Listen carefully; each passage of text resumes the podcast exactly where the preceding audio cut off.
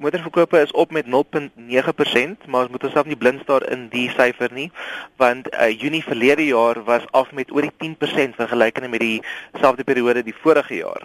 So ons daar's daar's daar steeds baie onderliggende swakheid in die mark.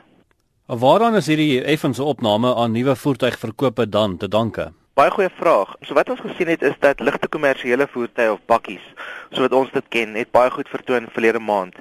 Dit het gegroei in al die segmente in die handelaarskanaal, eh, afleweringe aan die regering is op met 74% afleweringe in die motorverhuuringsmaatskappye is op met 25%. So ek dink die bakkies het die het die mark gedryf verlede maand. En wat uh, verwag jy al vir die res van die jaar dan? Daar is steeds baie onderliggende swakheid. Motorvoertuigpryse is aansienlik hoër as wat dit was verlede jaar.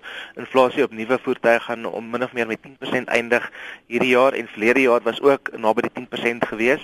So so die bekostigbaarheid van nuwe voertuie is nog steeds 'n um, probleem vir die die kliënt. Ons sien nog steeds baie kliënte uh, beweeg na die uh, gebruikte mark toe waar ons tans uh, 2.5 uh, aansoeke vir gebruikte voertuie tot elke een nuwe voertuig kry. So die kliënte is nog steeds onder baie druk. Ehm um, en ek dink wanneer verbruikersentiment verbeter en ek dink dit sal dit sal seker gedrewe word deur die rentekoerse dan sal ons dalk weer 'n verbetering in die nuwe mark sien, maar vir die jaar vooruitsig gaan die mark nog steeds onder onder baie druk wees, maar met baie aktiwiteit in die gebruikte mark. Nog 'n interessante ding wat ek ook, ook opgemerk het is dat jy sê die gemiddelde prys van 'n voertuig is net so oor die 300 000 rand. Korrek ja, nie die gemiddelde prys vir 'n nuwe voertuig nie, die gemiddelde prys wat ons gefinansier het. So daar moet jy natuurlik nog steeds die deposito aftrek en dies meer. So ja, dit dit is besig om op te op te kruip vergelykende met omtrent 280 000 waar ons verlede jaar Junie was.